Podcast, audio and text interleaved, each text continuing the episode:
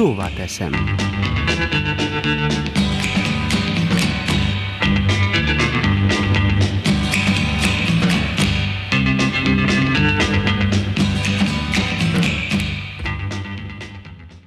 Talán először történt meg, hogy ennyire kipihenten tértem vissza a nyári szabadságról.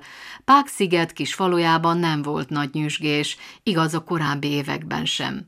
Ott mindenki megtalálja helyét a nap alatt, az árnyékban úgy, hogy ne zavarja másikat.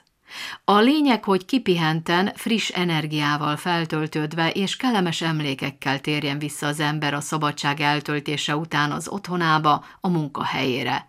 Hogy ne az legyen, mint ami barátnőmmel történt, a sok rendezkedés, összehangolás és külön programok szervezésének kifáradás lett a vége és úgy érkezett vissza a munkahelyére, mintha leszívták volna a teljes belső energiakészletét.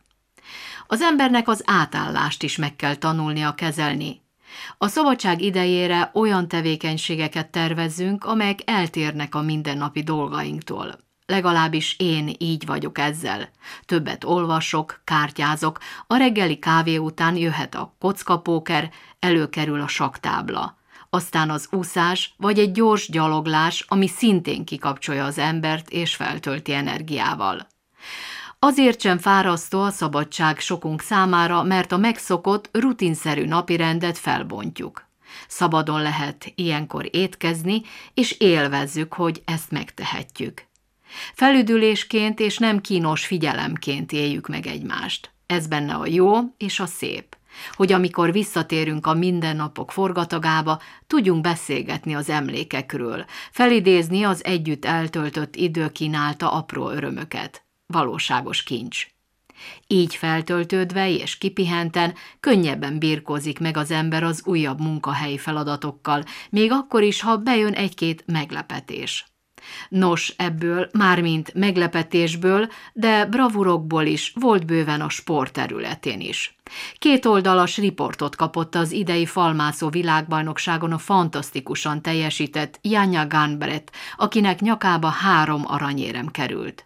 A falmászás királynője a harmadik ékes érmét gyorsaságiban kapta. Előtte nehézségi mászásban és boulderezésben is maga mögé utasította a mezőnyt.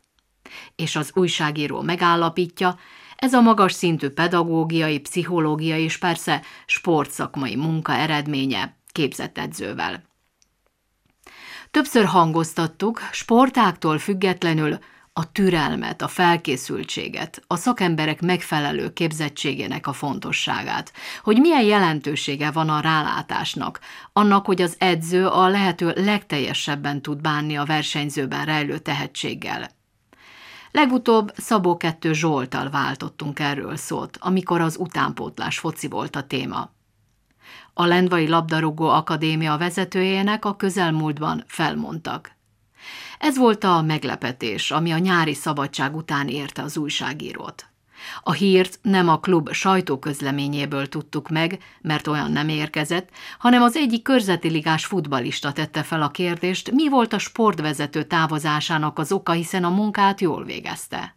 Próbáltunk utána járni. Szabó Zsolt ugyan megerősítette a hírt, de részleteket nem mondott. A klubvezetéshez utasított. Kocsárdi Gergely klubigazgatónak írtunk, aki a héten szabadságon volt, a jövő héten áll majd a rendelkezésünkre. Tehát az utánpótlás edzők szakmai munkát koordináló sportvezető felmondásának az okáról, illetve annak indoklásáról nem kaptunk információt. És az sem hivatalos, hogy a Labdarúga Akadémia szakmai vezetője Bazsika Szilveszter lett. Egy másik terület – Hivatalos személyének nyilvános rendezvényen való viselkedésének a szabályai. Legutóbb az egyik kupameccsen történő esettől volt hangos az utca. A sportvezető ittassan kommentálta a csapata gyengébb játékát, és mindenki előtt ocsmányul beszélt a játékosokról. Nem egyszer hangoztattuk újságírói körökben, hogy kötelezővé kellene tenni a sportvezetői képzést.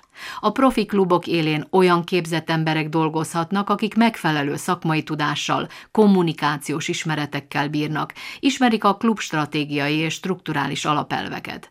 Fel tudnak lépni a játékosok előtt, megfelelő indoklást tudnak adni a távozásukról, Kiválasztásuk megalapozott döntéshozatalon alapszik, és nem utolsó sorban képben vannak az utánpótlás fontosságával, és hatékony kapcsolatot ápolnak a területtel.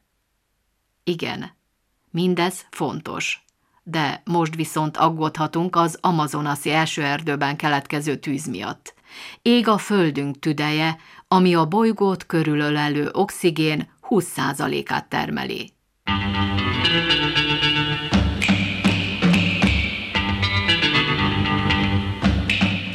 Szóval teszem.